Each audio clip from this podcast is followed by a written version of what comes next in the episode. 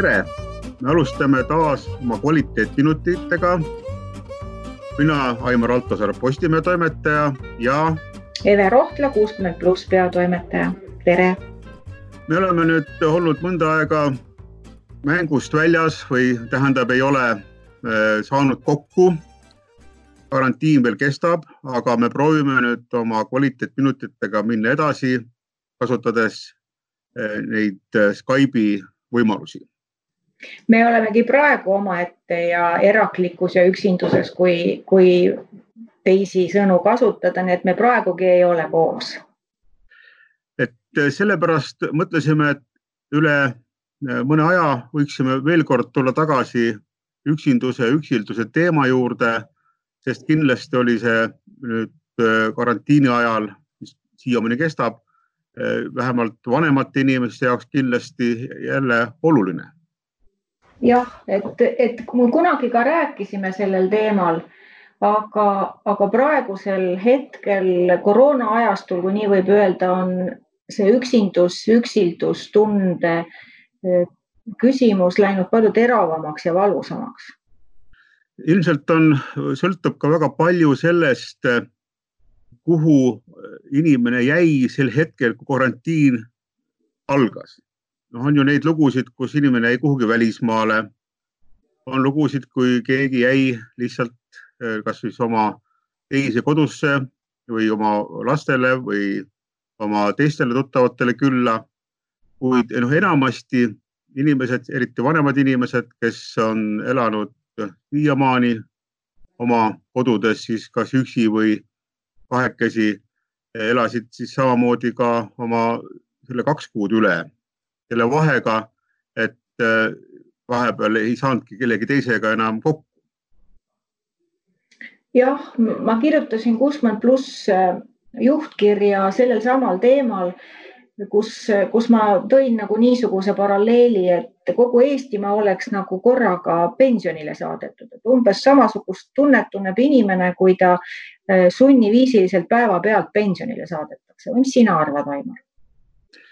See võib olla täiesti hea analoog, et eh, me oleme ju tegelikult selle noh, hea grupi sees, eh, kus meie head tuttavad, sõbrad kes ongi äkki ühel hetkel avastanud, et töö on läbi, lilled on kätte antud, pension juba jookseb ja mis nüüd edasi.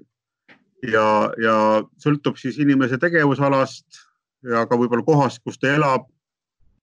Kuidas siis seda olukorda lahendada, et tõepoolest me oleksime nagu kõik sattunud korraga sarnasesse olukorda ehk pilli pole meile keegi selle puhul andnud aga aga mingis mõttes tunneme kõik ennast nüüd pensionäridena, mis tegelikult ju, kui mõtelda laiemalt, polegi ju nii halb, et see kogemus on nüüd nii laialt meil jagada.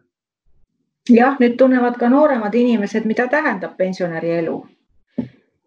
Just, et äh, meil on ju ka oma lähedased inimesed, sõbrad-tuttavad, kelle lapsed, noh, sageli, kui inimesed, kes on alles elu alustamas ja neil on veel suhteliselt väiksem elamispind ja ka lapsed on väiksemad.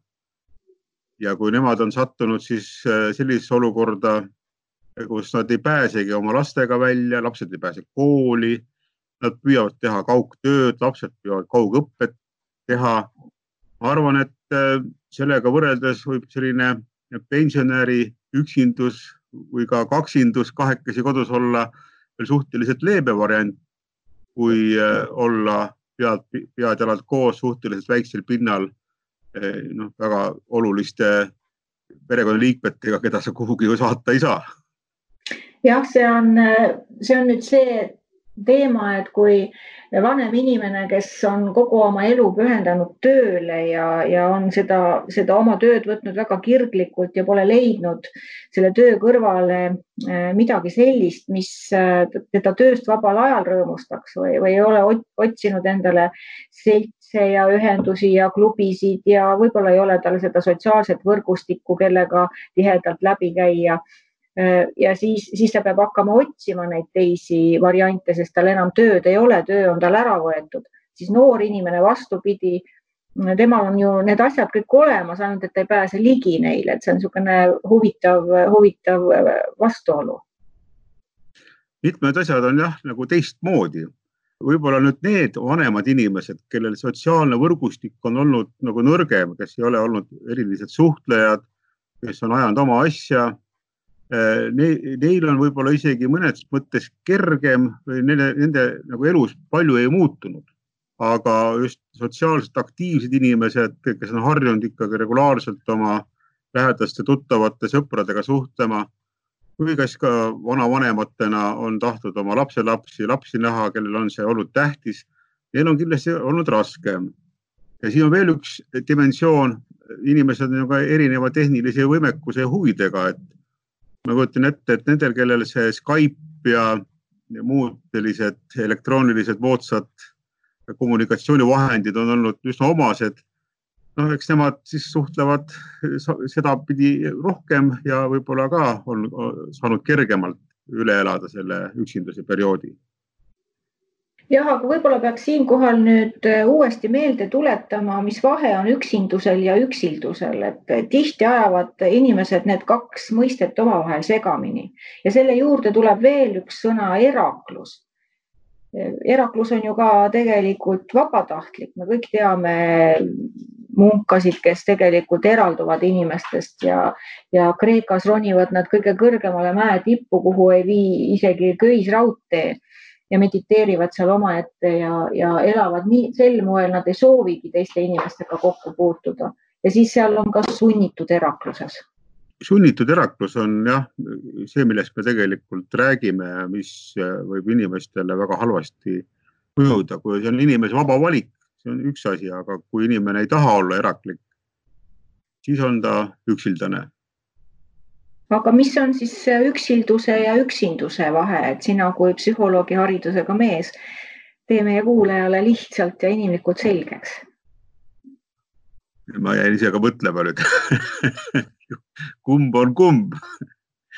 Et eh, noh, ma saan aru, milles nagu uba on, üks on see, et inimene ongi üksinda noh, ütleme inimene, kes on introvertsem, kes on noh, saabki üksinda hästi hakkama, tal on võib-olla suhteliselt vähe vaja sotsiaalseid kontakte ei tunne väga suurt puudust.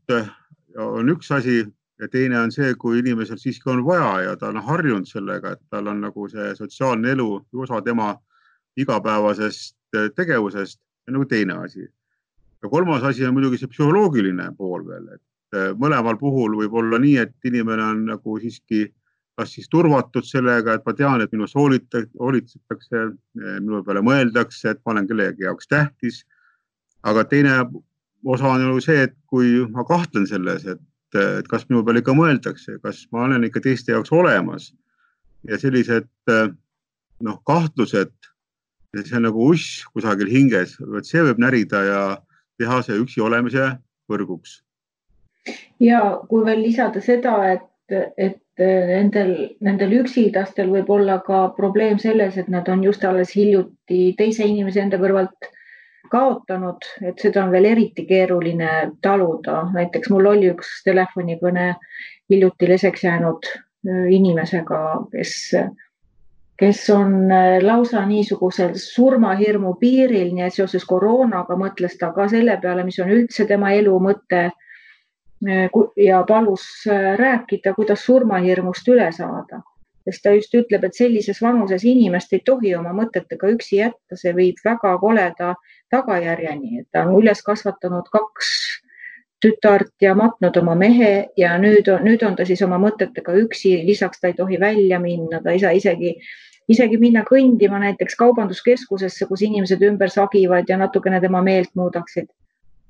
Ja nagu ta ütles, loodusesse minek süvendab seda olukorda veelgi, et kõik need vanad tuttavad käigud ja rajad, millega, mida mööda ta mehega on kõndinud, et ta ei tahagi kodust välja minna, tal on väga keeruline olla ja siis keerlevad tema peas need mõtted, et kuidas ta oma elu elanud on ja ka, kui paljudel inimestel ta haiget on teinud ja väga-väga keerulises olukorras, mis viib lõpuks lausa depressioonini. et kuidas neid inimesi aidata?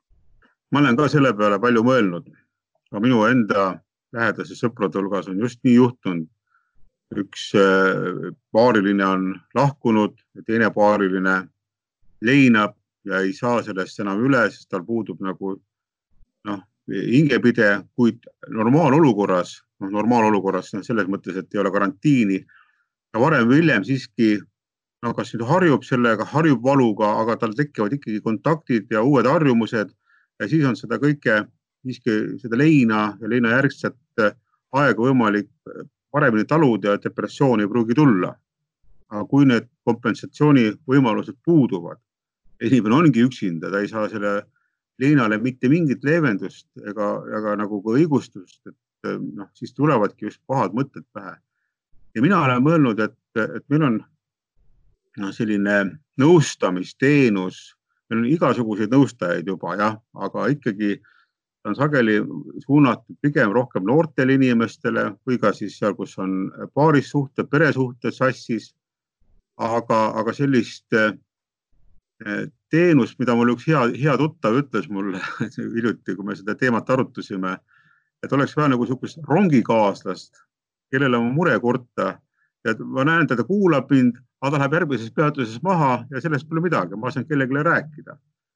et vot sellist äh, võimalust, noh, seda me oleme kuldliigas, oleme kaalunud, et võiks kuldliiga näiteks võiks pakkuda, meil on palju inimesi, kes võiksid olla nagu need, keda siis tülitada või noh, mitte tülitada pole õige sõna, aga noh, kellele helistada või kellega kohtumine kokku leppida, kui vaja, et, et saakski nagu jagada, saakski jagada oma muret. et jah, ma arvan, et me oleme siin ühiskonnana vähe teinud selleks, et sellistest valusatest kohtadest üle saada. aga meil on ju niisugune rongikaaslase teenus täitsa olemas, see on usaldustelefon. et, et vaevalt, vaevalt, et leinas ja suures mures ja eraklikkuses ja üksilduses elav inimene, kes oma elule tagasi mõtleb ja on väga rupakusse sattunud, et ta nüüd äh, võtab rõõmsasti ühendust äh, interneti teel mingite suhtluskeskkondadega või või, või vestlusgruppidega, aga äkki ta selle usaldustelefoni numbri valib ja, ja suudab siiski kõige keerulisemal hetkel midagi rääkida. ei, õigus, ma, ma olen nõus, ma olen ise ka usaldustelefoni tööl olnud ja loomulikult on see olemas, see on, see on väga hea, et meil on niisugune asi juba kolmkümmend aastat, isegi üle kolmekümne aasta olemas. aga võib-olla ma pean nagu silmas seda sihtrühma, et, et tegelikult ma mõtlen seda, et võib-olla oodatakse ka oma eakaaslastelt, kes nagu tundub nagu mõistvat sind paremini.